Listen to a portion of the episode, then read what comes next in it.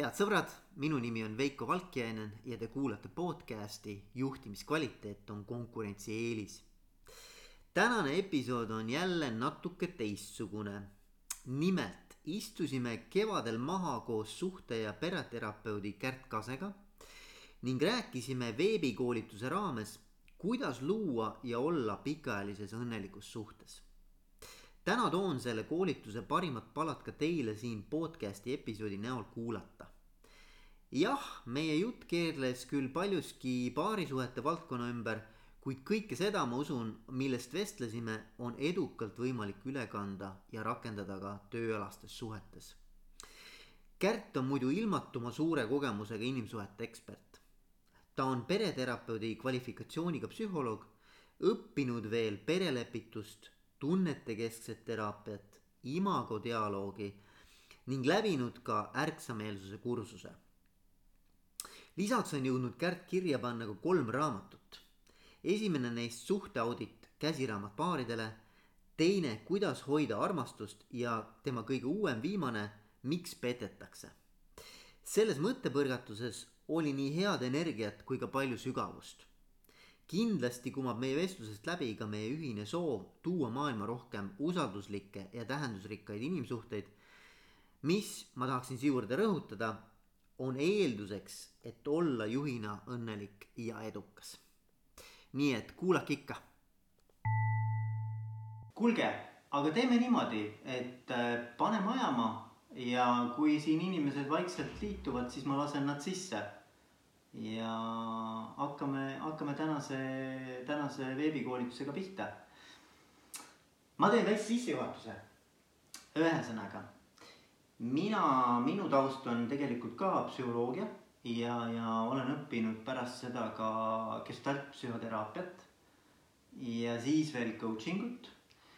ja minu kogemus ütleb küll seda, et, et kui me võtame nagu elus ühe valdkonna, mis kõige rohkem mõjutab meie õnnelikkuse taset, rahulolu.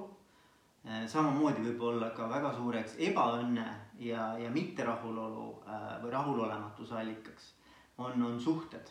et äh, minu arvates suhted on nii oluline teema nagu elus, et, et seda on raske nagu üle hinnata. ja, ja võib-olla üks sihukene huvitav äh, kinnitus sellele ka, et see ei ole mitte ainult sisetunne vaid et see on nagu päriselt uuritud valdkond, et äh, ma mingi aeg tagasi äh, sattusin sellise Harvardi uuringu peale, mis oli sihuke pikaajaline uuring, kus vaadati siis äh, läbi elu mitut generatsiooni äh,. ma ei mäleta, kas see oli, kus kohas see täpselt Ameerikas oli, aga igal juhul mehi läbi väga pika perioodi, mitu generatsiooni, kusjuures see uuring kestab tänaseni ja mida sellega siis leiti, oli see, et suhted määravad ära väga suures osas ka selle näiteks, et äh, kui pikk on meie eluiga ja et kuivõrd äh, edukad me oleme elus. no ma ei tea, Ivi, Ivi siin ka kuuleb neid, aga, aga kui mina läksin äh, Sotsiaalministeeriumisse tööle, siis meil oli sissejuhatav koolitus ja seal äh, siis Ivi rääkis meile, et äh, tervena elatud aastad on need, mis loevad, mitte lihtsalt eluiga. ja tervena elatud aastate juures on hästi oluline ka suhted, suhete mm. kontekst, ehk siis see mm. paljuski ka kas siis ühele või teisele poole kallutab seda, et kui terved me oleme mm. -hmm. ja see on nagu tegelikult isegi nagu raske üle hinnata jah, et, et minu äh,, mul on näiteks ka podcast'is käinud, eks ole äh, sadu juhte, mul on üle kahesaja episoodi ähm, juhtimisalast podcast'i tehtud. ja ma võin öelda, et üks asi, mida minu noh, ma ei tea, kas üllatuseks, aga ma ei oleks oodanud, et nii palju seda teemat välja tuuakse, on just nimelt, et kuidas arendada ja hoida suhteid. ja et kuidas seda nähakse siis ka juhtimises üheks edu eelduseks. et, äh, et ma arvan, et see teema täna on väga õige teema, eriti arvestades, missugune on meie keskkond Eh, kus me täna elame, mis on see viimane aasta, milline see on välja näinud, eks ole. et äh, ei ole vist äh, rohkem aktuaalsemat teemat. ja suhted tähendab ju ka tegelikult iseendaga hästi läbisaamist. iseendaga sõbraks olemist, et kuidas see veel käib, eks ole. võib-olla sealt algabki kõik. noh, Kärt räägib meile kohe. Kärt, Kärt, Kärt oskab kindlasti sellel teemal meile valgust, valgust näidata. aga jah, et Kärt, räägi endast ka, kes on Kärt Kase? Ehm, kui kaugele ma pean tagasi minema? kui kaugelt ma alustan? mina, mina mäletan sind äh, sellest ajast, kui mina õppisin psühholoogiat ja sina tulid meile külalislektorina, noorukesena ähm,. Ei olnud väga palju kogemusi, aga sa tulid Kanadast, sa tulid Kanadast ja rääkisid meile äh, tarka juttu tööanalüüsist. issand, sul on see meeles? mul on see kõik meeles. jah äh,, ja eks ja põhimõtteliselt äh, õppisin psühholoogiat Mm -hmm. Kanadas äh,. mõtlesin, et ma kunagi nagu nõustama ei hakka, ehk siis äh, seda counseling poolt äh, ma ei kavatsenud elu sees teha äh,. Sest see tundus lihtsalt liiga raske Mm -hmm. äh,. meil oli ülikooli ajal oli praktika, see oli vabatahtlik praktika äh,. oli siis nagu safe house ehk siis mingi koht, kus äh, käidi oma muredega ja siis äh, algajad psühholoogia tudengid said, said äh, teisi tudengeid nagu nõustada, Mm -hmm. katsetada nende peal ja minu tolleaegne elukaaslane, kuigi ta ei õppinud psühholoogiat, läks ka sinna vabatahtlikuks. Ja siis äh, tuli kogu aeg tagasi ütles, et issand jumal, mis mured inimestel on ja õudne, et ma ei saa aru, miks peaks seda tahtma nagu seda tööd teha eh, tööna, et ma olen isegi vabatahtlik ja mul on täiesti siiamaani nagu õhtu lõpuks, et äh, kogu aeg kuulan inimeste muresid ja siis mina otsustasin, et mina sellega tege-, tegelema ei hakka.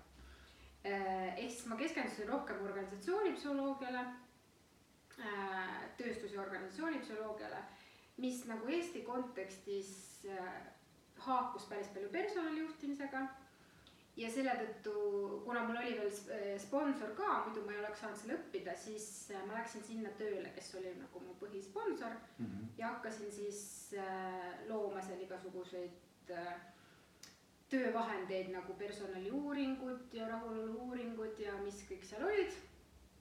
nii et ma tegin personalitööd erinevate ametikohtade peal kakskümmend aastat ja mingil hetkel paralleelselt tekkis huvi teha midagi mittekasumlikku ehk siis or-, mitte kasumile orienteeritud.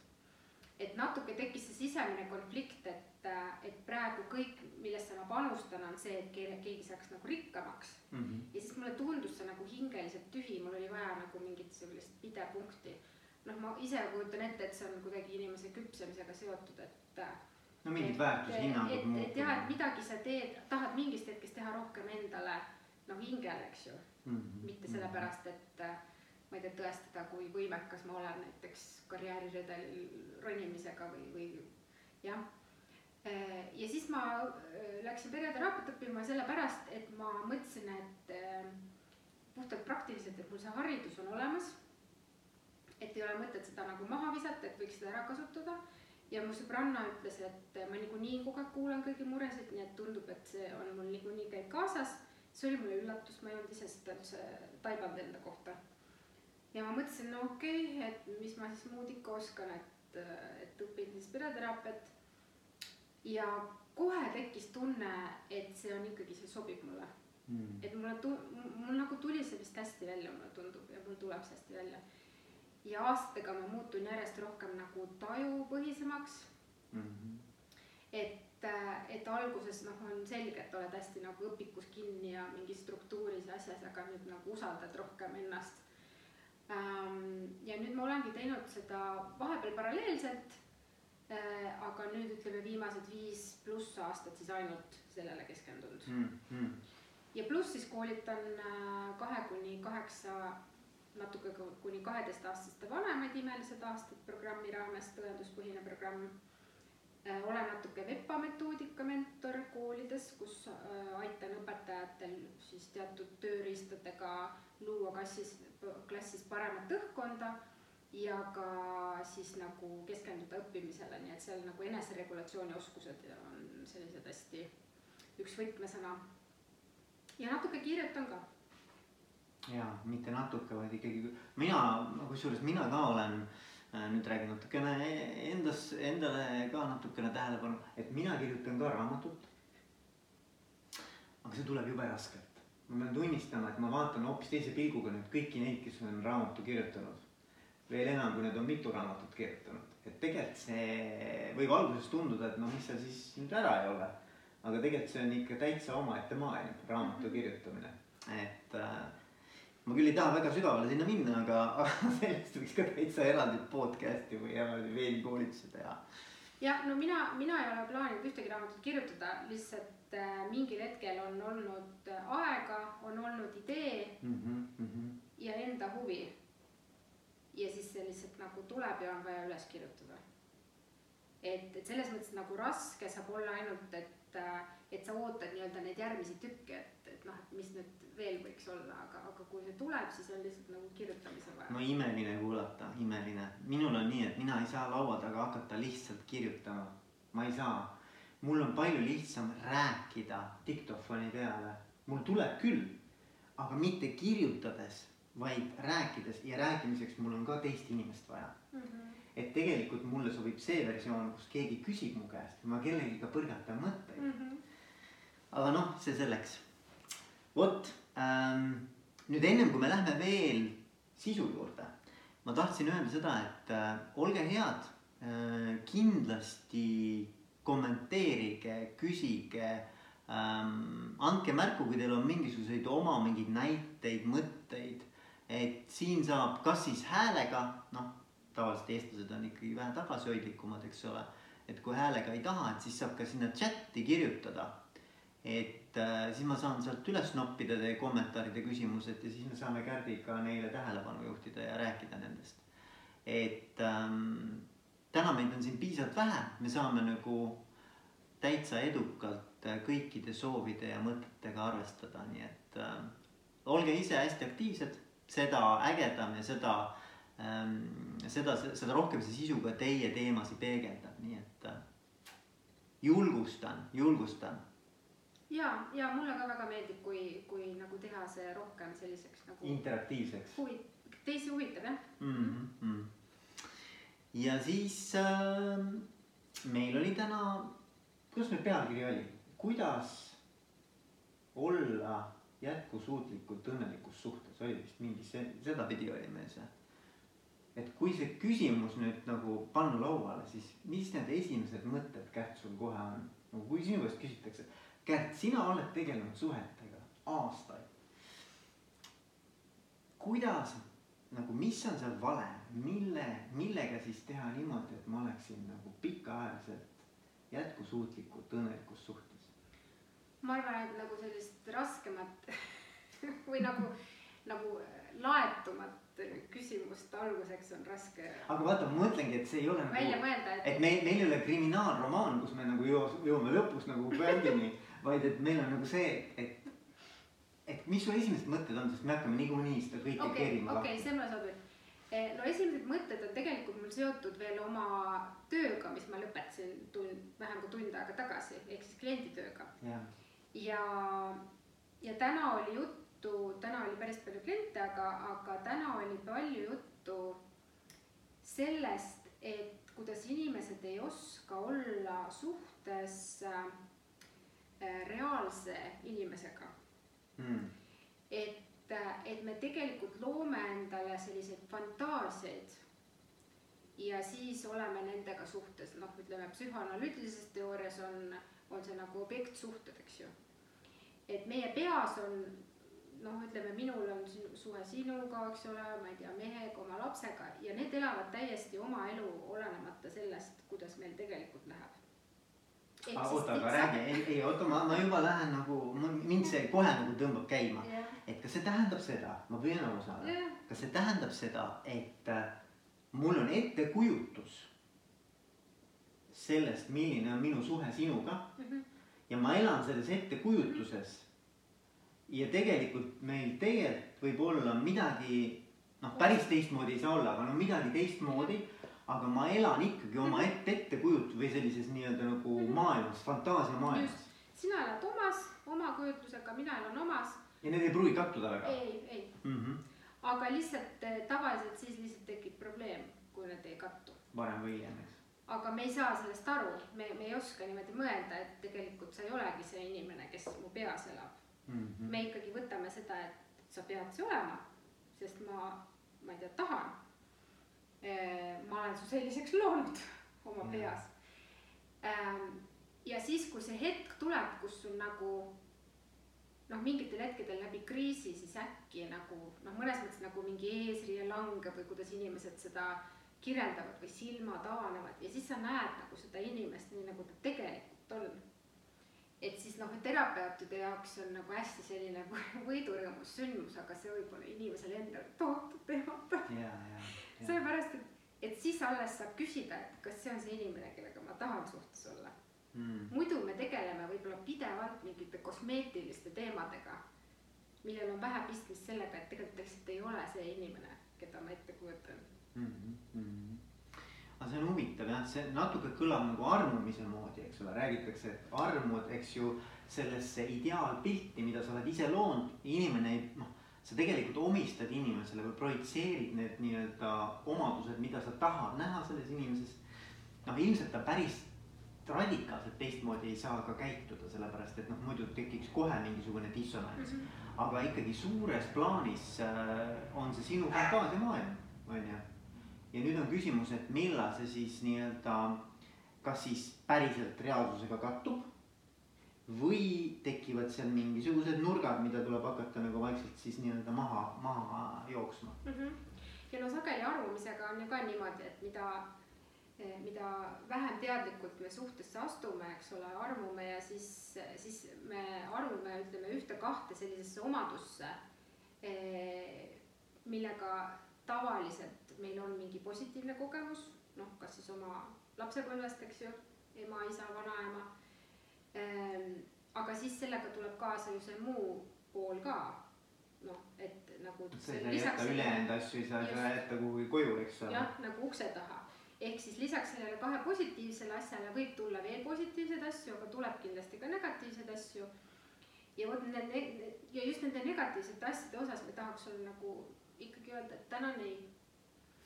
ja, ja see ongi see koht, kus hakkab nagu ähm, see kujutluspilt elama oma elu ja, ja kus sa tunned nagu pidevat sellist rahulolematuse kasvu, et äh, ma ei tea, et nagu ei ole üldse selline nagu noh, nagu võiks mm. olla mm ja, ja jah, ja siis ongi nagu erinevad variandid, kuidas seda lahendada, aga lihtsalt kuna enamus inimesi ei, ei taba ära, et tegelikult, et sa ei peagi olema see inimene. Noh, siis, siis noh, paljud jäävadki sinna kinni, et nad nagu võitlevad, võitlevad, aga, aga seda, seda nii-öelda päris vaenlast ei eksisteerigi, see on nagu nende enda peas mm,. Mm ja, ja samas, kui sina oled minu partner, siis sa ei saa ka aru, mis toimub. et, et ma olen nagu justkui kogu aeg pahane millegi peale, aga, aga sa isegi ei saa aru, et kas ma olen siis nagu lubanud seda või, või kus see on tekkinud, et ma selline peaks olema. Siin kõik toimub. päris, äh, päris keeruline, eks ole. mulle rääkis äh, Katrin Saali-Saul, kellega mul on ka podcast tehtud suhete teemal tema rääkis üks huvitava loo, et äh, tavaliselt paarid toovad oma teise poole. ta näitas seda diivanit, kuhu nad toovad, eks ole. ja siis ütlevad talle noh, mitte võib-olla nii-öelda otse, aga põhimõtteliselt läbi lillede, et tehke ta korda. ja, ja siis, kui hakatakse tööle, siis tuleb äh, pahatihti välja hoopis see, et äh, selle inimesega, kes siis teise sinna tõi, tuleb rohkem tööd teha selle inimesega keda siis nii-öelda toodi. ja, ja sest ongi vaja korrigeerida nagu neid samu noh, ütleme viia natuke rohkem vastavusse seda, et, et kuidas nagu päriselt on ja kuidas sa võiks nagu seda oma kujutluspilti ka mm. vastavalt sellele kohandada.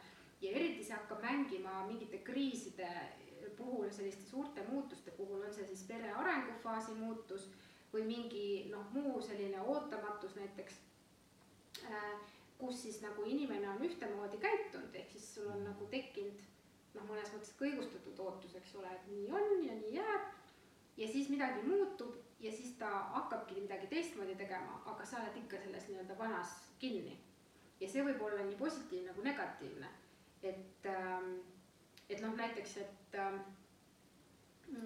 laste puhul, et äh, näiteks emad on harjunud olema hästi nagu hoolitsevad, et ikka noh, ma ei tea, korrastama ja ma ei tea, kuidagi veel mingit kuskilt ära noppima, enne kui välja läheb, eks ju, uksest ja siis mingil hetkel ütleb sulle see peaaegu kaheksateist aastane, et kuule ema, et vaata nüüd, ma olen nagu, ma olen täiskasvanud inimene, et mida sa teed.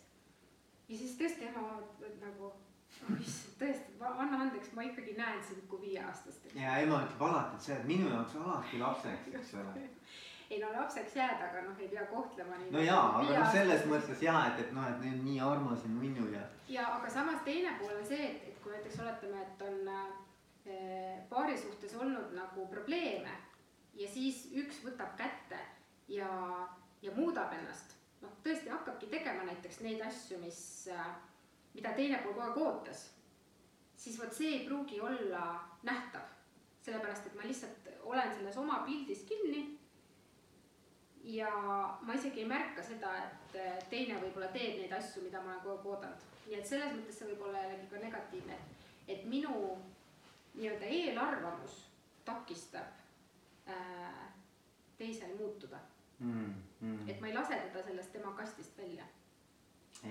Et kui ma olen harjunud mõtlema näiteks noh, noh, oletame, sa oled mu mees, et äh,, et sa oled selline noh, ma ei tea, tundetu ja tuim, vähe räägid, eks ju mm. -hmm. ja siis sa nagu. nii nagu mehed ikka on ju. no nagu tihtipeale on, eks ju. et ja siis sa tuled ja noh, nagu tõesti niimoodi hästi võib-olla har-, natuke äh, harjutatult või niimoodi, nii, palun räägi oma päevast ja niimoodi, siis nagu üldse see kuidagi ei jõua kohale. ja, ja mingil hetkel siis teine loobubki, sest lihtsalt see nagu ei et seal ei ole nagu kommunikatsiooni jah, et seal ei ole sellist ühe, see ei ole ühel lainel nagu toimetamine. ei no selles mõttes lihtsalt, et kui sa oled harjunud nägema partnerit, kui et tema ei räägi, siis sa ei märka seda, neid püüdlusi, kus ta püüab sinuga mm. vestlusesse asuda mm. -hmm. Et selles mõttes seda, et sa ise nagu takistad sellel muutusel toimumist. ja, ja, ja. kuule, me saime ühe kommentaari ja väga õigustatud kommentaari, et see pealkiri ei olnud mitte jätkusuutlik suhe vaid õnnelik suhe. kuidas olla õnnelikus suhtes, kuigi ma ütleks ikkagi pikaajalises õnnelikus suhtes mm. -hmm. kuigi jätkusuutlik võib ju ka arvata, et. Noh, eks see on, küsimus on jah, et, et kuidas olla sellises suhtes, kus on nagu mõlemad pooled rahul, eks ole mm -hmm.. noh, õnn, vot tegelikult on hea küsimus, mida tähendab õnnelik suhe, kuidas sina nagu õnne nagu defineerid? see on muide täiesti üks teraapia küsimus. ja see, kuidas mina seda defineerin, on täiesti ebaoluline. seda peavad defineerima ikkagi need inimesed, kes on omavahel paari suhtes. ja kui see läheb väga äh, laiali, ehk siis nagu ütleme, sinu jaoks on õnn äh, elada teistele, jagada kogu oma raha nagu äh, mingi heategevusprojektidele, endale mitte mammonat koguda. ja minu jaoks on oluline näiteks finantsturvalisus et ma ei peaks tööl käima ja ma saaks nagu mõnusasti elada, elada, siis noh, sealt on nagu raske leida seda. jah -hmm., nii et see on väga hea küsimus aga, aga, sellele peavadki vastama need mõlemad okay, pooled ise. okei okay,, aga mida sa oled näinud nagu, et oma töös, et kuidas inimesed näevad õnne või õnnelikku suhet? Eh, et kuidas nemad on defineerinud, kas sul on mingisuguseid selliseid nagu, no ma ei saa öelda, ilmselt ei ole selliseid ühtseid definitsioone, aga, aga mis võiks olla noh? üldiselt on kümme sellist olulisemat suhtevajadust ähm,. Ja ma julgeks öelda, et see on seotud ka äh, armastusega mm. -hmm. et on äh, hoolivuse väljendamine tegudes äh,, seksuaalne rahuldatus, intiimne vestlus, koos vaba aja veetmine Äh, atraktiivsus, täielik usaldus, finantsiline tugi, kodune tugi ja uhkuse tunne partneri üle. Et need kümme vajadust on siis erinevas nagu tähtsuse järjekorras ja kui nendest kõige olulisemaid äh, sinu partner suudab äh, rahuldada piisaval määral äh,, siis võiks öelda, et sa võiks olla rahul, kas sa nüüd oled ka õnnelik, see on nagu juba raske öelda. Aga kui me võtame näiteks positiivse psühholoogia, mis on tegelikult üks äh, selliseid uh, uuema aja psühholoogia suundi ja mille põhifookus ongi see, et kuidas uh, olla õnnelikum, õnnelikum inimene. siis nemad nagu defineerivad seda õnne, noh, see on kuidagimoodi vaja nagu käegakatsutavaks teha, eks ole, siis nad defineerivad seda kui äh, siis positiivsete emotsioonide suhet negatiivsetesse emotsioonidesse. ja see, see suhe peaks siis olema umbes niimoodi, et et iga negatiivse kogemuse või emotsiooni suhtes peaks olema vähemalt kolm positiivset emotsiooni. aa, okei okay., no see on väga väike, et mina olen kuulnud kümme seal on isegi niimoodi, et see vahemik oli kuidagi nii, et kolm kuni üksteist ja kui sul on rohkem kui üksteist, siis tekib küsimus, kas sa oled reaalsuse kontaktis et selles mõttes, et kui sa ainult positiiv, noh, kogu aeg on nagu noh, et see võib siis olla mingi faas, eks ole. Aga kui see kogu aeg nii on, siis tekib küsimus, et noh, see ka ei ole nagu selles yeah, mõttes päris, päris adekvaatne mm. -hmm. aga, aga et nagu, et võib-olla mõelda oma elu peale ka niimoodi, et meie kuulajad ka, et, et ähm, et kuidas minul on nagu, et kui, kui seda kuidagimoodi hakata nagu tunnetama, et, et äh, kui palju ma siis äh, neid positiivseid emotsioone päeva jooksul kogen. aga mina julgeks öelda seda, et, et selleks, et õnne tunda, on vaja tegelikult äh, omada võimet ja lubada endal tunda kõiki erinevaid tundeid. et sageli inimesed äh, teevad selle vea, et nad püüavad et nagu negatiivse kuidagi, ma ei tea, kas maha suruda või, või nagu endasse hoida. aga sellega nad juba blokeerivadki selle nii-öelda energiavoo niikuinii, ehk siis ei saa negatiivset näiteks sisse, aga ei saa ka positiivset sisse, ehk siis see, see ei ole nagu selline koodiga lukk, et et kirjutad koodi sisse, et positiivsed lubatud, aga negatiivsed on mm -hmm. nagu jääge välja Äh, ehk siis tegelikult peab inimene, kui sa räägid nagu endaga kontaktis olemisest siin ka sissejuhatuses, et siis, et see ongi üks olulisemaid asju, et kuidas endaga kontaktis olla, on oma tunnetega kontaktis olla. Ehk siis äh, tunda ära neid tundeid, mida sa tunned ja lubada neid tunde nii kaua, kui nad kestavad, kuna tunded mööduvad, eks ole, päris sihuke kiiresti äh,, siis ilmselgelt need erinevad tunded erineval ajahetkel on nagu erinevad mm,. aga kui sa lubad sellel nagu loomulikult äh, toimida, siis sa oled sina ise kõige ehedamas vormis ja, ja siis ma usun, oled sa võimeline ka tundma õnne nendel hetkedel, kui on põhjust olla õnnelik. Ja võib-olla praegu mul, kui ma kuulasin sind, minul tekkis see tunne, et võib-olla eriti hea sihuke eluterve õhkkond suhtes on see, kui ma saangi oma partneriga tunda kõiki tundeid, mida ma tunnen, ilma et ma tunneks kuidagi et ma pean kas neid, ma ei tea, tagasi hoidma või no kuidagi moonutama või mm. -hmm. et, et sa saad olla see, kes sa nagu oled just sel hetkel, eks ole. isegi kui ma olen vihane, tegelikult nagu see, et, et see on nagu kerge olla teisega koos ka sel hetkel, kui ma vihane olen mm, -hmm. eks ole. ja tegelikult sealt ju ka see nagu lumepallina eh, kerib jälle sinna välja, kus, et kui ma ei luba endal olla, ma ei tea, vihane hä, eh, häbi tunda Eh, läbikukkununa tunda, mis iganes, liiga õnnelik, siis on ka kahtlane. Et siis juba ma ei ole mina ise ja seda raskem ongi teisel olla sinuga suhtes, kui ta ei tea täpselt, kes sa siis oled mm. -hmm. et jälle mul tuleb meelde üks eh, klient eilsest, kes on vist koos olnud, ma ei tea, viisteist aastat ja nad ei ole väga ava-, avatud olnud oma tunnete ja, ja mõtetega ja nad isegi julgesid öelda, et nad vist ei tunne teineteist nii hästi mm..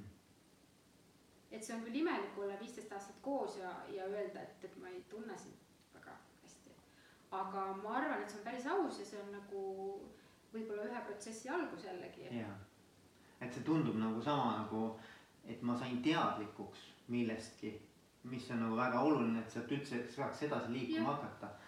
ja muidugi selle järgmine küsimus on see, et kas ma ise tunnen ennast noh, et nagu, et, et, see on minu arvates ka väga oluline küsimus, et kui ma tahan olla teisega heas suhtes, siis ma kõigepealt, no ma ikkagi usun seda, et ma pean olema iseendaga väga heas suhtes. jaa, loomulikult mm. -hmm. sest vot ongi, et, et äh, kuidas ma tean, kuidas nagu mingitesse asjadesse äh, suhtuda, kui ma ei tea, mis mu nagu noh, enda tunne on, eks ju mm. -hmm. et et, et on ju suhteid küll, kus me võtame väga varmalt omaks siis kellegi teise nagu mõtted.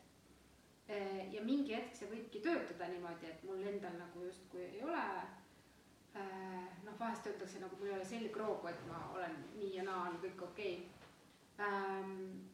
aga siis mingil hetkel võib juhtuda, et kui näiteks see inimene su kõrvalt kaob, et mis siis saab, kes ma siis olen mm. -hmm. nii et see on tõesti päris ohtlik, et, et kui me nagu väga kuidas öelda, nagu psühholoogiliselt nõjatume teisele inimesele ja siis see inimene mingil põhjusel meie elust kaob et kas siis meie jääme alles? ja, ja see on ka hea küsimus et see on natuke sihuke sõltuvuse teema vist. jah mm -hmm. no aga see on ka nagu see mina eristumine, kõik see värk, et, et noh, mõningatel juhtudel oma mina ei olegi niivõrd eristunud, et, et sa suudaks seda nagu kuidagi eraldiseisvana tajuda. Äh, võib-olla see elab praegu liiga süvapsühholoogiasse, et aga üldiselt jah, lapsepõlve nagu lõpp peaks olema see, et sinu mina on eristunud, ehk siis sa, sa tead, kes sina oled. Ja selleks on ka oluline kõik see teismea, see vahutamine, et need reeglid, äh, mis on teiste poolt kehtestatud, et kogeda läbi, kas need oleks ka minu enda reeglid, et kas need ka mulle sobivad, et siiamaani need on mulle lihtsalt antud, aga nüüd ma tahan ise katsuda järgi, et kas, kas nagu minu jaoks on ka oluline minna näiteks kell üksteist magama, sellepärast et olla puhanud ja valmis tegema, ma ei tea, mingit vastutusrikast ülesannet täitma, tööd kas või. Või see on lihtsalt minu vanemate mingi äh, diktatuur, eks ju. Mm.. mina muidugi usun üha rohkem, mida rohkem ma eh, coaching uga tegelen ja inimestega tegelen, ma üha rohkem, üha rohkem usun sellesse, et me iga päev loome ennast uuesti. Nagu see, see on võib-olla natuke sihuke nagu, nagu, nagu äh, noh, vastu sellist traditsioonilist võib-olla isiksuse teooriaid ja isiksuse psühholoogiat, mis ütleb, et meil on siuksed suhteliselt püsivad omadused, mis läbi elu, eks ole. Nad on välja kujunenud lapsepõlves ja siis nad põhimõtteliselt noh, natuke küll vastavalt olukorrale kohaned, aga ikkagi nad on nii-öelda kannavad sind läbi elu, eks ju. Aga mina olen näinud küll inimesi, kes teevad nagu päris suuri muutusi oma elus, ka mina ütleks noh, sellisel identiteedi ja isiksuse tasandil. Ja, ja usun sellesse, et on võimalik päris palju iseennast äh, uuesti avastada ja uuesti luua. aga no seal on erinevad protsessid, on nagu isiksuse erinevad tahud avalduvad erinevates situatsioonides, mõni on sus olemas, aga ta lihtsalt ei avaldu, kuni just, nagu just, ei ole selle ja. järgi vajadust ja pluss on siis ka see küpsemine, eks ju mm. -hmm. et mingiteks asjadeks ma olen teatud hetkel valmis, milleks ma ei ole enne valmis. ja, ja, ja, ja, ja minu arust on see vabastav selles mõttes see on vabastav. ta on ka jõustav. jõustav, just, jah. et ma ei pea olema nagu nii, et nii on ja nii jääb ja, ja kurb hädaorg aga Kärt, räägi, mis on need teemad, millega sinu juurde tavaliselt tullakse, nagu mis on need, kui mingeid nagu mustreid nagu välja tuua, et mis on need põhilised äh, teemad, mis äh, toovad inimesed paarid sinuni äh,? praegu noh, tõenäoliselt selle uue raamatuga on palju petmise teemat Äh, aga alati on olnud kommunikatsiooniprobleeme, noh näiteks palju tülisid või et ta üldse ei saa must aru, et me oleme nagu eri planeetidel, planeetidel jah ähm,. millegipärast on viimasel ajal päris palju alkoholi, kuidas see öö, kahjustab suhteid mm,. ja tegelikult ka nagu lastega, et, et lastel on mingid käitumisprobleemid ja siis vanemad küsivad nõu, kuidas nendega hakkama saada mm. -hmm. mis võiks olla nagu äh, see teema, mida sellise täna, täna sellise õnneliku suhte raames võiksime käsitleda mm? -hmm kuidas, äh, kui me võtame selle teema, mis ma arvan, on universaalne, see kehtib igas eluvaldkonnas, on see siis tööelus või on see isiklikus elus suhetes. seesama kommunikatsiooni teema, eks ju et äh, mina olen teinud ju personalivaldkonnas väga erinevaid uuringuid erinevates ettevõtetes, erineva suurusega ettevõtetes, erineva valdkonna, erinevas valdkonnas toimetavate ettevõtetega, avalikus sektoris, erasektoris. ja top kolmes üks teema, mis alati on, on kommunikatsioon, infot tundub kogu aeg kas vähe. info liikumine. jah, info liikumine, eks ole aga noh, ma mõtlen, et, et see on nagu tegelikult üldse inimeste omavahelise suhtlemise ja suhete teema tegelikult, eks ju. et, et kui sinu juurde tuleb paar, kes ütleb, et noh, et, et me, meil on, meil on siin nagu kommunikatsiooniprobleemid, noh, alati nad nii ütlevad, aga, aga noh, ühesõnaga, et, et see kommunikatsiooni valdkond, eks. Kas saad mõne näite tuua, et mis, mis, mismoodi see nagu võiks välja näha ja kuidas sa sellele hakkad nagu lahti jalutama seda teemat? no tegelikult see ei ole võib-olla väga palju erinev sellest äh, mingist teisest teemast, et, et selles mõttes ei ole võib-olla nii teemaspetsiifiline, kuidas ma lähenen aga, aga kõigepealt ma püüangi aru saada sellest mustrist, mis siis toimub, et antud juhul sinu näite puhul siis sellest kommunikatsioonimustrist. Ja sageli sellest juba joonistub välja ka see, et kes on ärevam ja kes on vältivam ja, ja, ja kuidas see siis käib, et, et reeglina on keegi, kes tahab nagu rohkem kontakti, nõuab seda. ja mida rohkem teine nõuab, seda vähem teine tahab seda anda, tõmbub eemale mm. -hmm mida rohkem ta tõmbub eemale, seda ärevamaks muutud sina, tahad veel rohkem enda poole tirida mm, -hmm. siis ma tunnen, et mind juba kägistatakse, õhku enam ei ole, jooksen minema, noh, ja sinu ärevus on laes. et noh, ja kuidas see siis lõpeb, et kas suure pauguga või siis mingil hetkel keegi jalutab ära ja siis lihtsalt kuidagi nagu jääb õhku, kuniks noh, vaikselt nagu ma ei tea, süüa tahad? no okei okay,, sööme, et noh, mingi siukses mm -hmm suhteliselt süütu teemal siis hakkad nagu järjest veel rääkima ja siis on mingi aeg nagu rahulik, kuni siis uuesti kõik kordub mm. -hmm. ehk siis on vaja see muster teha nähtavaks. okei okay., et esimene samm on, et sa saaks teadlikuks, et nii te toimite sellise mustri järgi. jah, just mm. -hmm. E, siis järgmine samm, kuna ma teen süsteemset pereteraapiat, siis järgmine samm on see, et kust on see pärit. kust sa oled õppinud, et niimoodi tehakse sest ilmselgelt see ei tee, see ei too sind sellele lähemale, mida sa soovid mm. -hmm. et miks sa nõuad, miks sa ei kasuta mingeid muid viise, eks ju mm -hmm.. ehk siis äh, püüame aru saada, kust on see pärit. ja kui sa saad aru sellest, kust see on pärit, siis see natuke võtab sult endalt seda vastutust ära, et vastutust sa pead niikuinii võtma, eks ole mm. -hmm aga, aga tegelikult palju on ka seotud sellega, et me lihtsalt võtame kellegi teise käest üle noh, niimoodi ilma filtrita mm. -hmm. et mhm. lihtsalt hakkame samamoodi tegema. ja kui sa saad aru, et sinul on valik, et isegi kui su ema tegi nii või isa tegi nii ja vanaema tegi nii ja vanavanaema tegi nii, et tegelikult sul on valik mitte teha nii ja valida oma tee. ja siis tekibki see valiku koht, kus sa saad aru, et, et, et sa oled lihtsalt siiamaani kandnud seda kuskilt ajal, ajaloo hämaruses seda mustrit ja, ja et sa võid muutuda ja siis on see koht, et sa pead aru saama nagu päriselt, et mis on see sinu panus sellesse mustrisse, mis on see, mida mina teen. Ja siis sa saad valida nagu midagi muud, ükskõik, mis see siis on, väiksem võimalik muutus, mis toob võimalikult suure tulemuse mm. -hmm. ja, ja noh, ütleme selline struktuur ei, ei pea olema ainult kommunikatsiooniprobleemide lahendamine, see võib olla nagu üleüldisem mm. -hmm mulle meeldib just see pool, mis sa ütlesid ka, et, et see teadlikkus tekitab nagu vastutuse, eks ju, või sa saad nagu paremini aru iseenda rollist selles kõiges. ja siis see pool ka, et äh, kui sa hakkad ennast kõrvalt, noh, oskad nagu natukene nagu kõrvalt vaadata, et siis sul tekib võimalus valida. et sa ei ole enam nagu selle mustri noh, nii-öelda nagu samastunud selle mustriga, et see, see on nagu kala vees, eks ju, siis ta ei saa aru, et ta vees on, eks ju. Aga kui sa tõmbad ta veest välja, siis ta hakkab nägema, et ohoh, ma olin, aa, vesi oli see.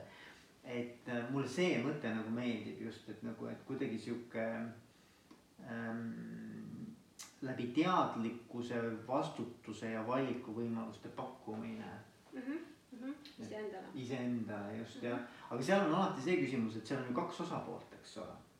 et kas see tähendab seda, et piisab sellest, et üks osapool nagu muutub?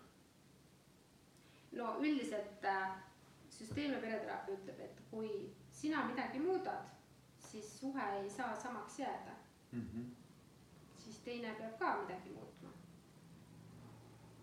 Ja ilmselt sa teist inimest muuta ei saa, sa saad muuta pigem ainult iseennast, ja ei no sina muutud, aga see, kuidas teine muutub, seda sa ei saa kontrollida. Ehk siis mingi muutus toimub, aga sa ei tea, kas see on sulle nagu soodsal suunal või mitte. no loodetavasti ikka soodsal suunal. sest noh, näiteks kui me mõtleme kasvõi seda, et noh, mul praegu tuleb meelde, kuidas paljud naised äh, on öelnud, et äh, et kuna mehed on pikalt tööl ja nagu seda petmise fooni on ka piisavalt, et siis neil on aeg-ajalt nagu päris suur ärevus, et, et, et kas nad ikka on tööl ja, ja äh, kahtlane värk.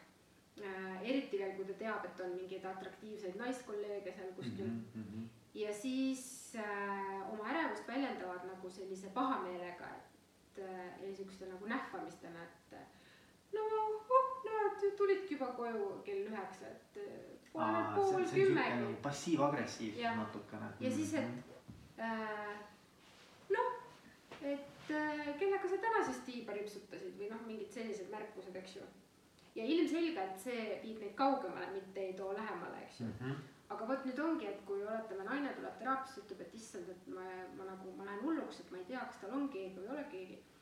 aga kui ta nagu äh, selle asemel, et siis neid, ma ei tea, nähvamisi teha, rõõmustaks nagu päriselt ka, et ma rõõmustan, et sa tulid koju ja kallistaks näiteks. Mm -hmm. noh, siis ju, siis ju on põhjust minna sellel õhtul kujuneda teistsuguseks kui, kui muidu. absoluutselt, et tegelikult see mõjub ju väga erinevalt, eks ju. ahah, siin on küsimus, näed ehm,. minu arust väga hea küsimus, et, et kui meil on pikaajaline suhe teise inimesega ja seal on nii häid aegu kui ka selliseid kriise või siis langusi või mõõnasid, eks ole. ja, ja küsimus on nüüd, et, et mis on need märgid või kriteeriumid või tunnused, et seda pikaajalist suhet ei ole mõtet enam jätkata. kas sa oskad midagi öelda oma kogemusest?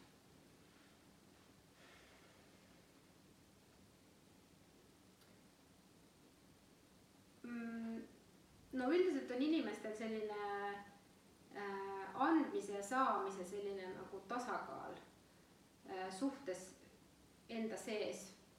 ja ma kujutan ette, et kui inimesed on jõudnud selleni, et ma olen nii palju andnud ja nii vähe saanud. noh, ma tajun seda, et ma olen palju andnud ja vähe saanud. ja kui ma väga ei usu või ei looda, et see muutub Mm -hmm. Ja samas ma arvan, mul tekib järjest nagu tugevam arusaam, et võib-olla mul oleks ilma parem. noh, et ma nagu saan hakkama.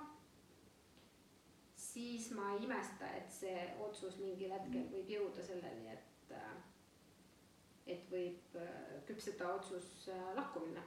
aga su kogemusest, kui sa peaksid oma teraapiatööst ja kogemusest võtma, et, et mis on need olnud sellised äh, eh, juhtumid, kus on mindud ikkagi lahku, et kas on midagi, mis nagu sulle endale on ja ma, ma näiteks mõtlen eelkõige nagu arengukriisid, et, et kui näiteks äh, äh, noh, eriti kui näiteks üks pool on, on äh, saanud nagu oluliselt suhtetargemaks või, või nagu kuidagi äh, ma ei tea psüühiline küpsus on selline, et ta nagu suhtleb hoopis teistes dimensioonides mm. -hmm. ja, ja teine, teise areng ei, ei nagu noh, ei ole näha, et ta Tuleks selles suunas Mm. mm. nagu liikuma. siis ma kujutan ette, et need vajadused nagu muutuvad, mis mul on, eks ju, et mul on võib-olla, ma ei tea, hingeline side olulisem või vaimne side olulisem. ja siis mul ei piisa ainult sellest, et meil on nagu äh, ma ei tea, ei, ei joo ja ei peksa, eks ju, et, et noh, millega siis ma ei tea, või et kodu on korras ja, ja lapsed on kammitud.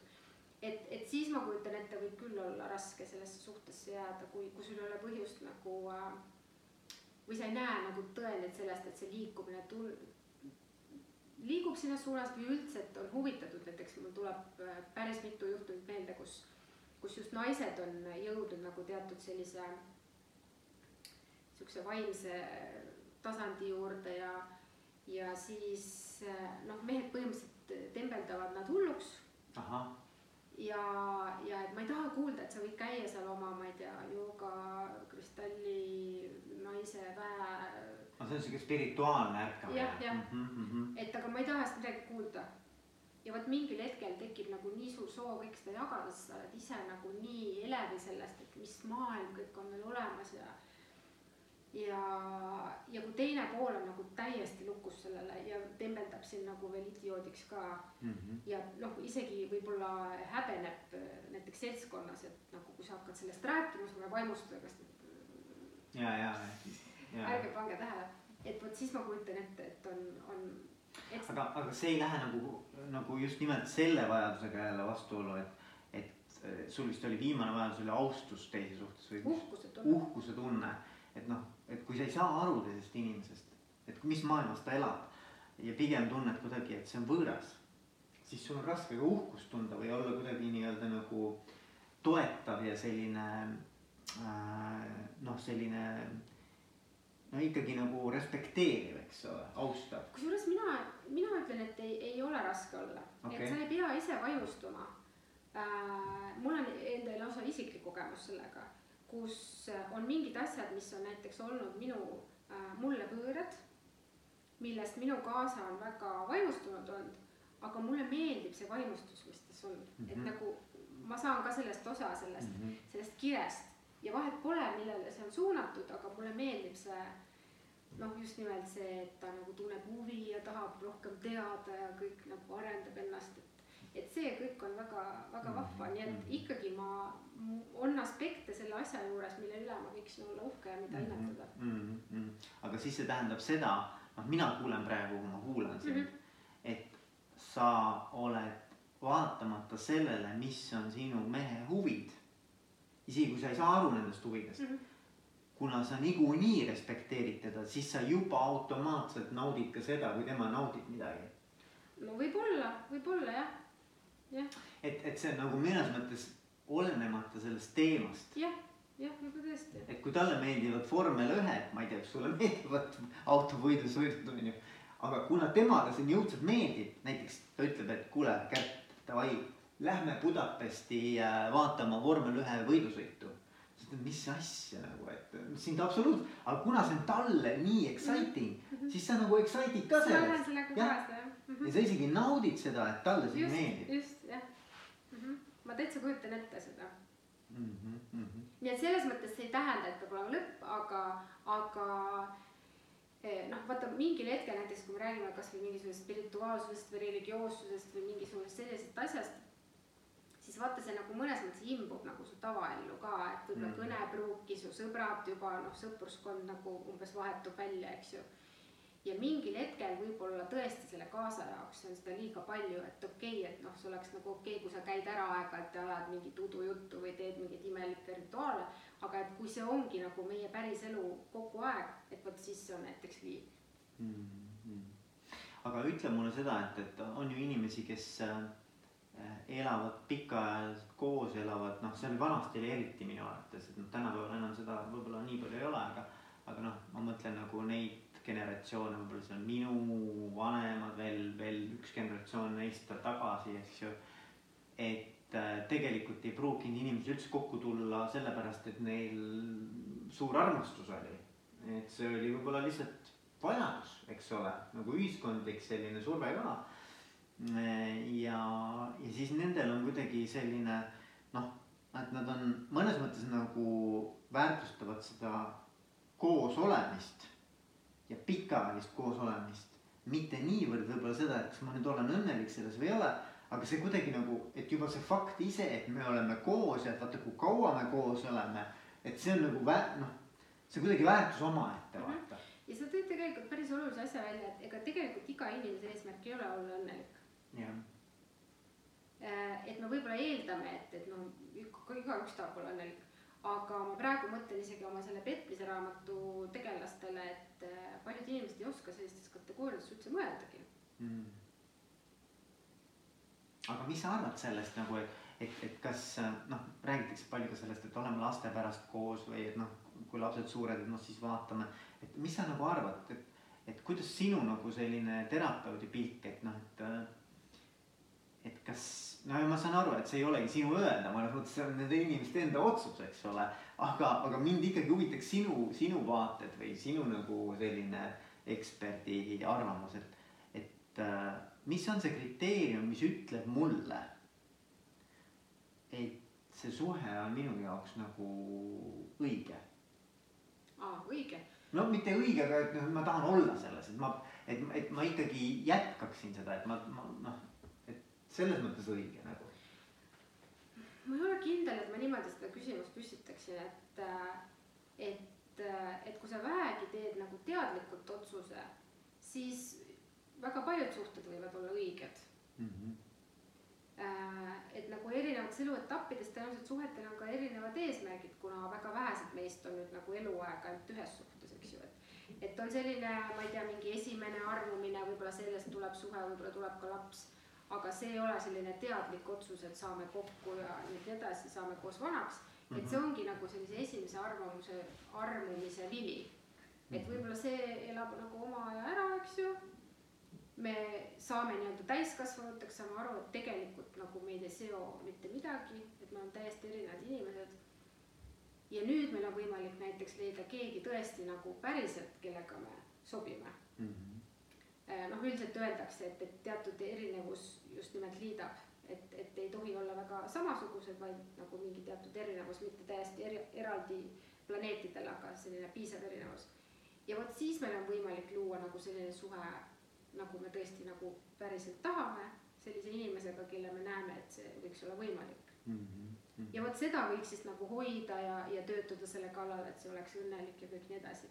aga no sa, sageli näiteks, kui on mingi petmise teema, siis pärast petmist see järgmine suhe eh, on jällegi selline nagu kas lohutussuhe või selline noh, et nagu mingi ego natuke. et sa lähed sinna oma haavu lokkuma. just, just mm, -hmm. et, et sageli saavad kokku need kaks nii-öelda katkist hinge, kes siis mm -hmm. mõistavad teineteist ja selle tõttu saavad nagu pakkuda teineteisele tuge, aga samas nad ei ole selles positsioonis, et, et sellest võiks nüüd tingimata välja kasvada niisugune tugev omavaheline suhe, et mm mingil hetkel võib-olla see suhe ka oma funktsioon, funktsiooni kaotab, kui mõlemad on nagu saanud ennast tühjaks nutta ja ongi aeg edasi liikuda, siis jällegi selle inimese juurde, kelle ma nagu endale päriselt valin. et, et jah, et, et äh, ma usun, et inimestel on seda raske teha, aga peaks eristuma selliseid, eristama selliseid reaktiivseid suhteid mm. -hmm. et ma ma ei tea, ma tahan siit kodust ära, ma lähen mehele esimesele inimesele, kes mu, ma ei tea, tantsima võtab täna peale eks ju ja siis neid suhteid, mille me loome nagu teadlikult mm. -hmm. ja neid suhteid, mida me ei ole teadlikult loonud noh, seal võibki olla see, et võib-olla me ei sobi mm. -hmm. ja, jah. on jah, et see on äh, selles mõttes siukene huvi, huvitav valdkond, et kuidas me üldse teise inimesega kokku saame, eks ole. Et noh, mina olen näiteks teinud ka tööd, äh, nii huvitav kui see ei ole, no küll tegelen enamasti juhtide ja, ja organisatsioonidega mm, ja meeskondadega, aga. aga ma olen teinud ka näiteks sellist coaching ut, et äh, kuidas leida endale see õige inimene. no aga kui sa oled ju, haridus toetab sind, siis on ju. absoluutselt, see on väga, see on väga äge. Eh, juht küsib, eks ole, noh siis püüame nagu koos ja mina andsin, eh, andsin juhile sellise ülesande, et pane kirja kõik erinevad tunnused, mis sinu ideaalses kaasuses võiksid olla, alates noh, ülidetailselt, nii detailselt kui suudad. Nagu pane kõik tunnused kirja. Sest et sul võib olla see, et kui sa nagu tänaval kõnnid, sul võib ideaalne inimene vastu tulla, kui sa ei ole enda jaoks neid tunnuseid teadvustanud, siis sa lihtsalt kõnnid tast mööda, sa ei, sa ei pane teda tähelegi üldse. Et nagu, et üleüldse, et inimene hakkaks aru saama, et oot-oot-oot, et millist kaaslast ma tegelikult nagu ikkagi päriselt mõtlen. sest see võib olla väga udune, see, see arusaamine, et kes mu ideaalkaaslane on. ja siis järgmine küsimus on, et noh, me läheme nüüd mitu sammu edasi, on see, et aga et milline inimene sellist kaaslast, kui sa vaatad nendele tunnustele otsa, milline inimene nagu tõmbab enda poole sellist inimest, milline see inimene peab olema, kes sellise kaaslase enda ellu võiks kutsuda. ja siis hakkad vaatama endale otsa, oot-oot-oot, aga kas, kas ma, mina olen see inimene, kes nagu üldse oleks atraktiivne või kuidagi magnet nagu sellise inimese jaoks et see oli nagu väga-väga põnev. no mis siis sai? no ma ütleks niimoodi, et ta ei ole veel siiamaani leidnud oma kõige ideaalsemat kaaslast. aga see protsess käib. See on väga huvitav lähenemine, ma tõesti, ma kuulasin sind huviga praegu. see, see on väga huvitav. sest minu arvates, minu arvates see on niimoodi, et sa pead ise kõigepealt saama selleks inimeseks keda sa tegelik, tähendab selliseks inimeseks, kes tõmbaks enda ellu sellise partneri, keda sa soovid. sest et noh, me, me võib-olla soovime partnerit, kes üleüldse meie tänase sellise mina ja, ja identiteedi ja, ja kogu harjumuste mustri ja kõigega üldse ei sobitu, vaata mm. -hmm. et, et äh,, et ma arvan, et me kui me ise muutume selliseks inimeseks, siis me automaatselt mm -hmm. hakkame neid inimesi oma ellu kutsuma. kuigi mina muidugi lähtuks endast, aga ma saan aru, et kuna küsimus oli selle õige kohta, siis sa alustasid sealt õigest. et ma lähtuks sellest, et ma kõigepealt saan selliseks inimeseks, nagu ma tahan olla. Ja siis ma automaatselt hakkan tõmbama ligi neid inimesi, kellega ma. ma arvan, ma arvan, et seda ja seda võib teha ükskõik mis teemaga absoluutselt, see ei pea üldse olema nagu partneriga seotud teema, see võib olla näiteks, et äh, sa tahad mingit töökohta, sa tahad mingisugust, äh, ma ei tea, isegi näiteks töötasu. milline inimene on see, kes sellist töötasu saab? see ei tähenda seda, et, et noh, et, et nagu mis, mis täpselt sa teed, aga nagu inimesena mm. -hmm. Et mulle meeldib nagu see, see mõte mulle väga meeldib.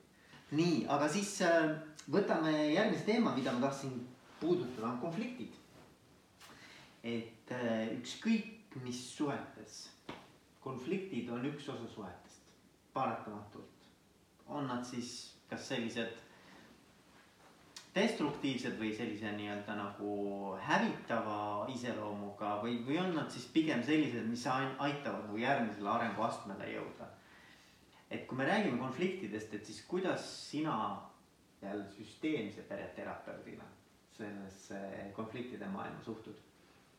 jah, vot ma küll rõhutan seda, et ma olen süsteemiterapeut, aga tõenäoliselt reaalsem on see, et ma olen ikkagi mingi interak-, integreeritud terapeut, sellepärast et kuna ma olen õppinud ka tunnetekeskset teraapiat ja imagot ja veel mingeid asju, et siis ma ikkagi kasutan nendest ka mingeid mhm. selliseid mm -hmm. tööriistu vastavalt sellele, kuidas klientidel vaja on.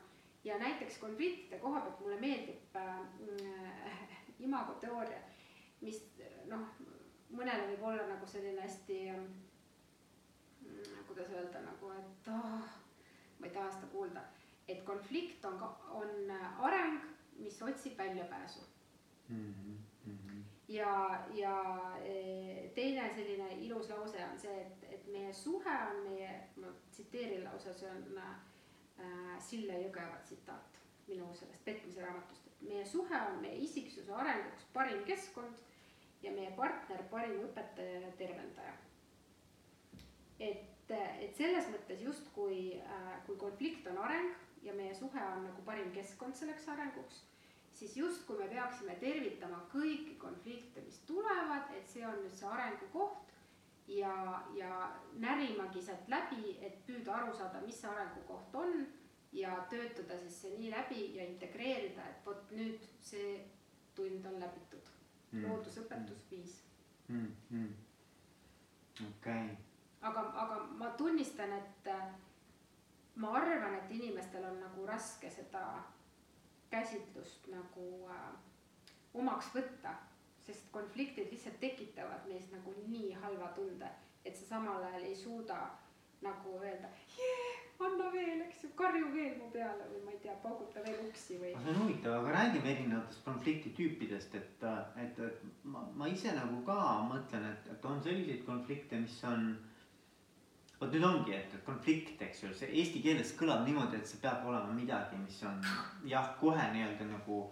sihuke nii-öelda noh, et kui sa ütled, et mul on konflikt selle inimesega, no see ei kõla väga hästi, et see, see ei tähenda väga arengut nagu, see nagu pigem tähendab seda, et, et noh, midagi on katki, on ju.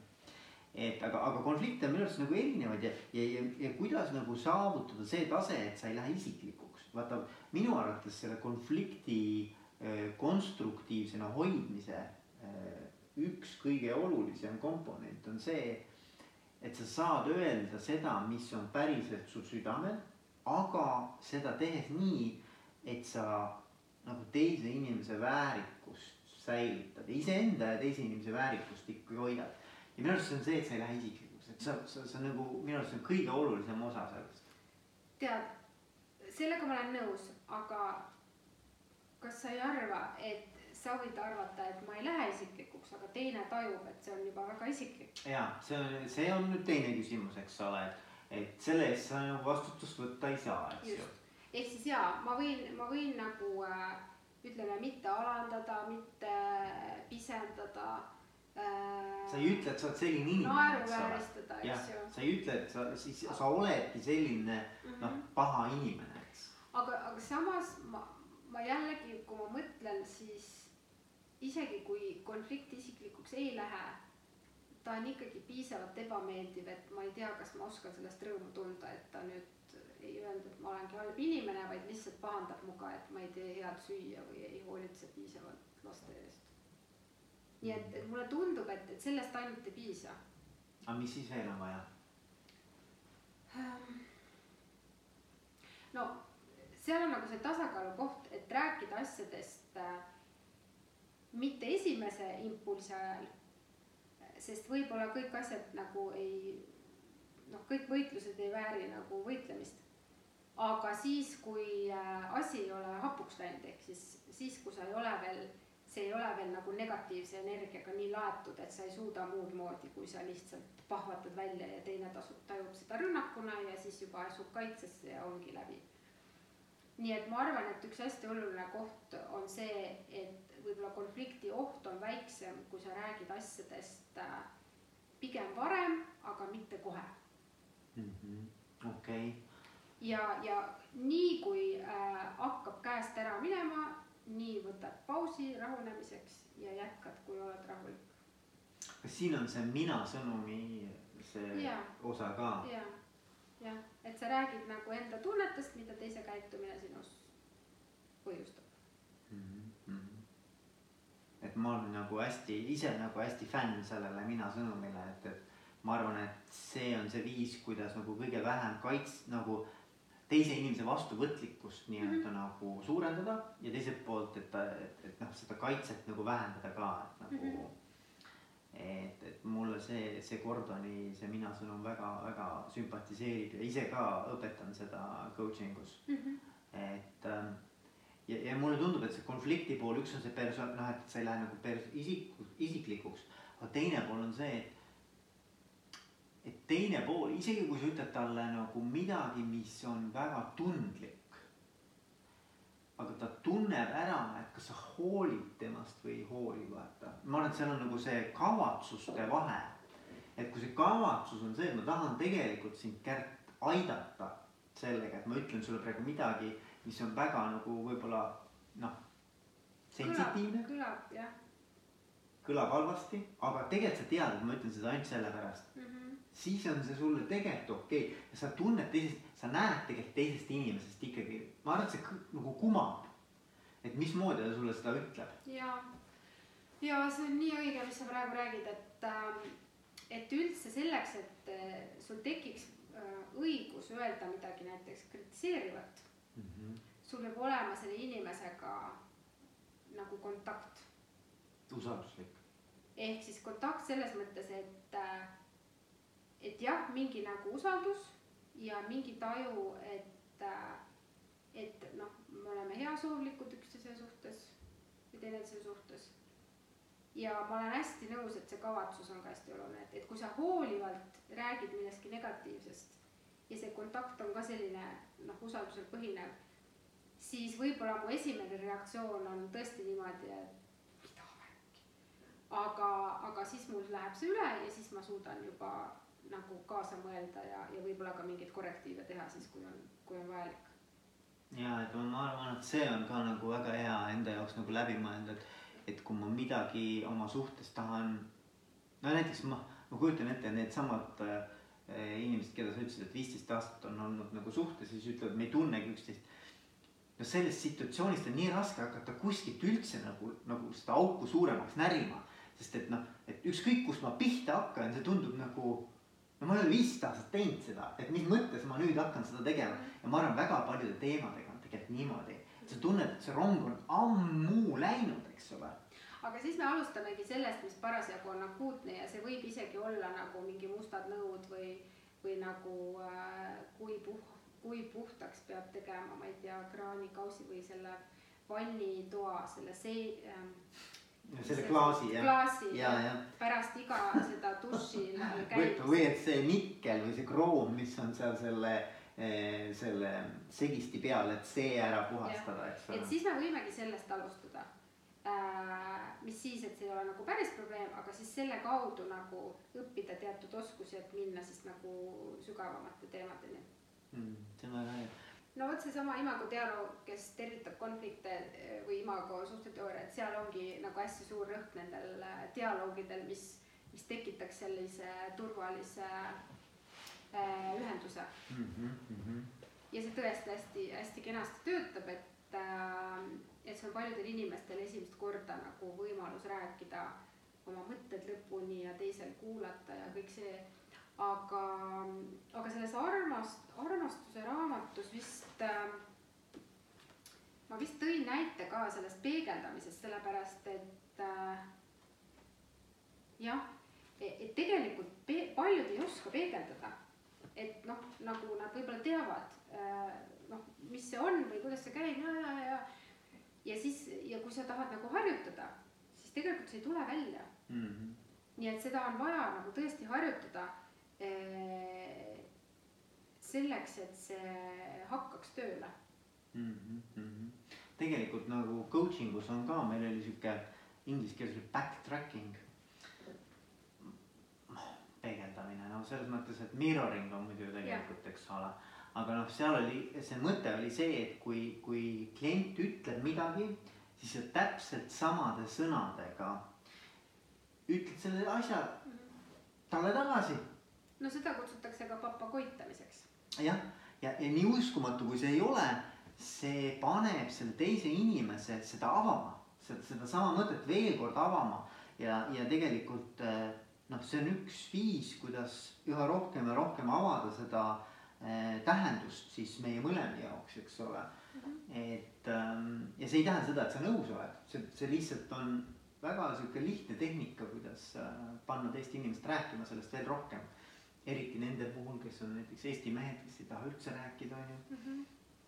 ja ma, ma võib-olla, mul praegu tuleb võib-olla üks-kaks meelde, kes tõesti nagu noh, kes tõesti rääkisid nii vähe, et, et raske oli teraapiat teha, aga üldiselt alati see barjäär on pigem nagu tekkinud nagu omavahelises suhtes, kui et üldse, et mm -hmm. ei suudagi rääkida mm. -hmm nii et konfliktid on tegelikult vajalikud. no nad on mõnes mõttes möödapääsmatud, kui me, kui me, kuida-, ütleme niimoodi, et konflikt on põhimõtteliselt nagu natuke selline eh, kuumaks köetud eriarvamus, eks ju mm, -hmm. on ju. nojah, see on mingisugune kas ootuste, vajaduste lahknevus mm. -hmm. ehk siis seal on teatud nagu emotsionaalne komponent. jah ja see, et ükskõik mis suhetes, aga suhetes selliseid asju juhtub, et sa oled millegi osas kirglik, aga kuidagi see teine inimene on mingi vastupidises kirglik, et, et see on ju väga loomulik mm. -hmm. see on suhteliselt möödapääsmatu.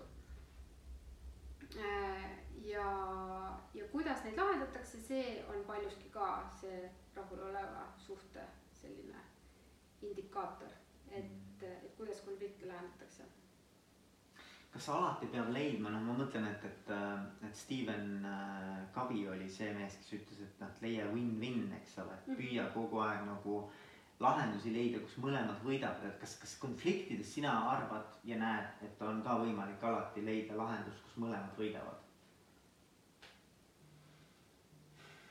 ma mõtlen seda, et, et see on nii palju seotud nagu sellega, kuidas sa ise suudad enda, enda nagu Äh, endaga tööd teha või, või enda tähendusi muuta. sest see võit ju noh, see võit võib ka kujuneda võiduks alles siis, kui sa sellest otsustad nii mõelda.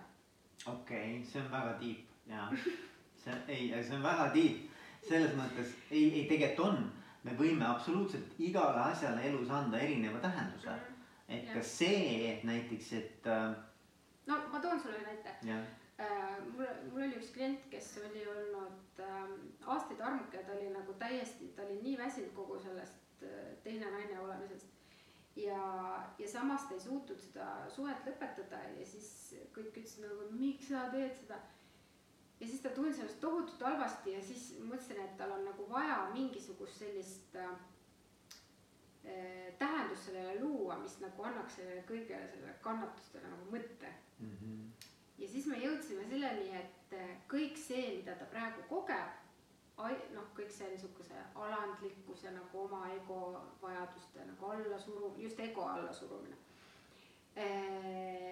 ja teisega arvestamine eh, on tegelikult vajalik eh, selleks, et kui ta kunagi nii-öelda nagu päris suhte loob, et siis ta on nagu nii äh, noh, kuidas öelda, saab olla hea partner, et ta ei hakka seal noh, ma ei tea, oma õigusi nõudma ja niimoodi, et ta on nagu ära õppinud sellise alandliku meele. ja talle tohutult meeldis see mõte, et, et sest ta ütles, et tegelikult ta on selline nagu päris sõnakas ja ikkagi, et ei ole, mis mõttes. ja võib-olla selle tõttu ta kannatas ka rohkem, eks ju, et asjad ei läinud üldse nii, nagu ta tahtis. aga see kuidagi andis nagu sellele mingi tähenduse nendele kannatustele ja huvitaval kombel aitas ka seda nagu suhet äh, lõpetada. mm.. väga huvitav, väga huvitav jah, sest et noh, tõepoolest ma arvan, et, et meie, meid inimestena eh, defineerib ja määratleb just see võimekus anda erinevatele elusituatsioonidele täitsa niisuguseid tähendusi, nagu me kõige õigemaks peame. me ei võib-olla ei, me ei saa aru, et meil see võimalus on see valik on, aga tegelikult meil on see valik, et ükskõik, mis meiega juhtub me võime seda vaadata väga erinevate nurkade alt, väga erinevates tähendustes. ja minule on meeldinud näiteks see, et noh, minu elus oli, et ma läksin peale keskkooli Tehnikaülikooli ehitust õppima. kuigi see ei ole absoluutselt minu ala ja ma sattusin sinna ainult sellepärast, et ükski teine ülikool enam sel ajal dokumente vastu ei võtnud, see oli viimane ülikool, kes võttis ja mina avastasin, et oh, mis ma nüüd teen peale keskkooli, eks ole ja siis ma sain aru, et ma käisin aasta aega Tehnikaülikoolis sellepärast, et saada sisse psühholoogiat õppima, sest psühholoogia sisseastumiseksam oli matemaatika ja ma ei osanud absoluutselt matemaatikat. ja ma sain selgeks Tehnikaülikoolis ühe aastaga. nii et vaata, noh, ma ei tea, nad jälle minu võimekus nagu mingitele seikadele elus anda nagu see, vot see tähendus just, mis nagu mulle so- toimib, eks ju, mis mulle sobib. mulle väga meeldib see näide, tegelikult see minu arust ka, kui me tule- tuleme jälle tagasi selle õnneliku suhteni, siis minu arust see tähenduste andmine sellisel moel, et sa võiks öelda, et ma olen õnnelikus suhtes, võiks olla ka hästi oluline. okei okay., ja see on üli, jällegi väga tiip minu arvates. väga, väga tiip, aga väga õige, et, et tegelikult vaata, küsimus on selles, et üks, võta, võta näiteks kaks paari, eks ole. Nad on noh, eriti kui sa leiad paarid, kes on sarnastes situatsioonides, sarnastes mustrites, sarnases nii-öelda ähm, ajaloolises kontekstis. Võrreldavad. võrreldavad, eks ju ja siis sa küsid nende käest ja neil võib olla väga erinev arusaam. milline on see õnnelikkuse tase, kus nad praegu nagu või rahulolu tase, kus nad toimetavad. See on umbes samamoodi nagu sa küsid äh, inimeste käest teadusega üle maailma, mäletad, mis see organisatsioon on, kes teeb neid õnnelikkuse indekseid erinevates riikides. ja kui sa vaatad, kes on kõige õnnelikumad inimesed maailmas, riigid ja rahvused, siis ei ole seotud majandusliku heaoluga või noh, pigem on võib-olla natuke ta, pöördujad. ta, ta on, ta on nii ja naa, eks ole, seal on, seal on loomulikult ka need heaoluriigid, mis on siis Skandinaavia maad, eks ole, seal need on ka kõrged. aga näiteks mitu aastat oli Costa Rica oli number üks. Costa Rica kindlasti ei ole kõige edukam nagu, kui sa mõõdad nagu majanduslikus äh, heaolus, eks ju. Et see on mindset, see on see, mille nemad, vot just nimelt nemad omistavad sellise tähenduse oma elule, sellele situatsioonile, kus nad on. Ja minu arvates suhetes ka, et noh, et, et, et see ei tähenda muidugi seda, et sa peaksid olema näiteks sellises suhtes, mis on sulle kuidagimoodi kahjulik või, või kuidagimoodi noh, nii-öelda no musta ei pea valgeks tegema. just, et inim-, noh ütleme, et see peab olema väärikas ja, ja nagu inimõigused peavad olema ikkagi nagu tagatud, eks ju, aga tegelikult on seal see ampluaa mängida äh, väga suur, sest et kui sa hakkad ka omistama teistsugust tähendust oma senisele suhtele, siis võib see juba iseenesest esiteks muuta sinu suhtumist ja käitumist. ja seeläbi, seeläbi juba muuta seda teist osapoolt ka. ja, ja, ja ähm, ja sageli ongi niimoodi, et, et mõnes mõttes teraapia ongi see koht, kus probleemidest rääkida, aga oht on äh, selles, et me keskendume mingile probleemsele kohale ja siis tundub, nagu see võtaks kogu nagu meie elu üle, et nagu muud ei olekski kui see üks suur probleem ja selle tõttu vahest näiteks ma mõtlen ka, et teraapias ei tohi väga kaua käia, sest siis sul jääbki mulje, et su elu on üks probleemide hunnik, et alati midagi avastad.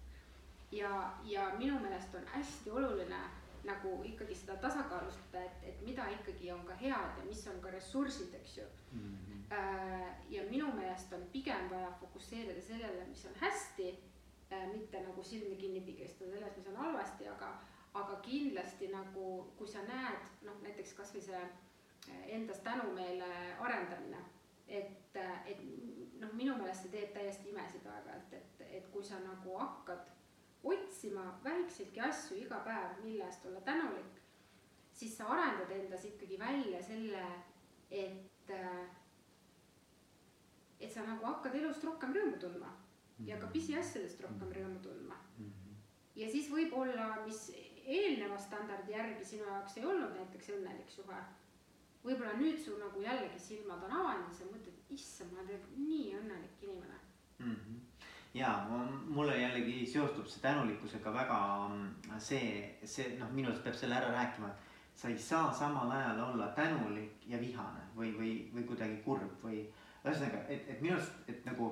isegi kurb vist tahab olla, aga vihane vist ei saa no,. mulle tundub, et nagu inimene suudab ikkagi olla korraga, ma muidugi võin eksida praegu, võib-olla on mingeid skisofreenilisi olukordi ka, kus sa saad olla nagu korraga väga ambivalentne ja noh, et sul on nagu kõik on üheaegselt nagu, aga, aga ütleme niimoodi, et tavaolukorras ikkagi inimene on ühes meeleseisundis korraga mm. -hmm.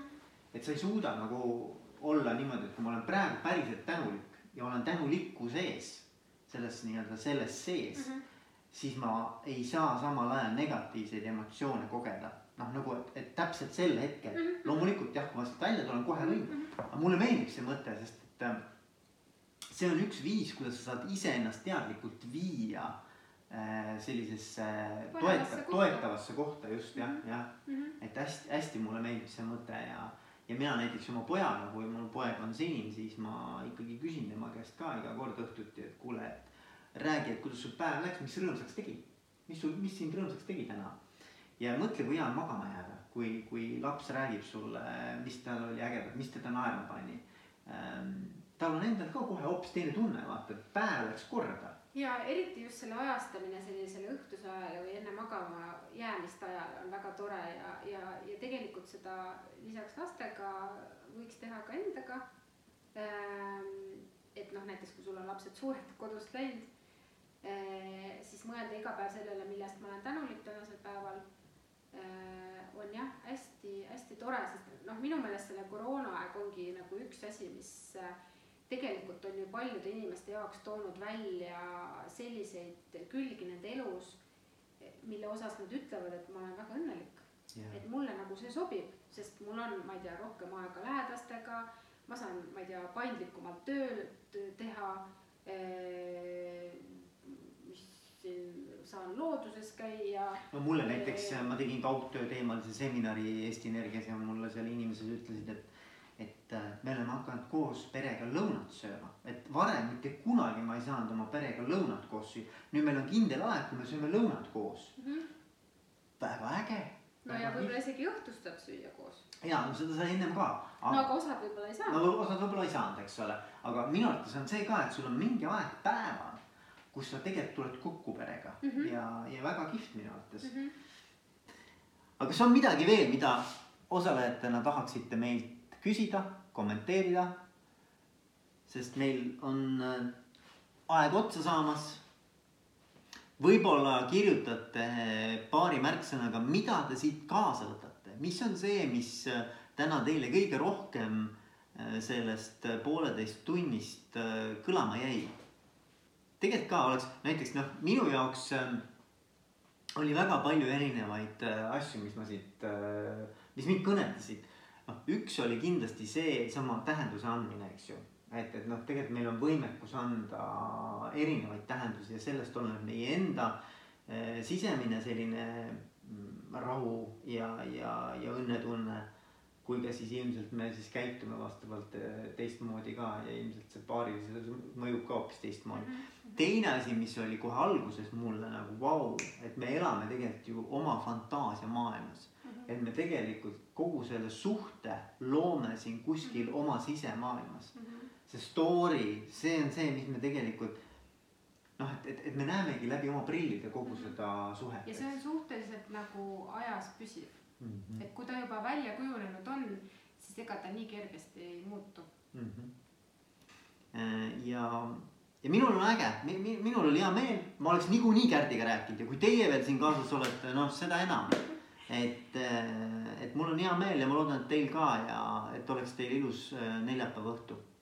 ja mul on väga hea meel, ilmselgelt te olete suhteid väärtustavad, tahate sellest rohkem teada, tahate ise olla paremad kaaslased, et suhted oleks paremad ja see juba on nagu väga-väga-väga tore, mul on väga hea meel teie üle.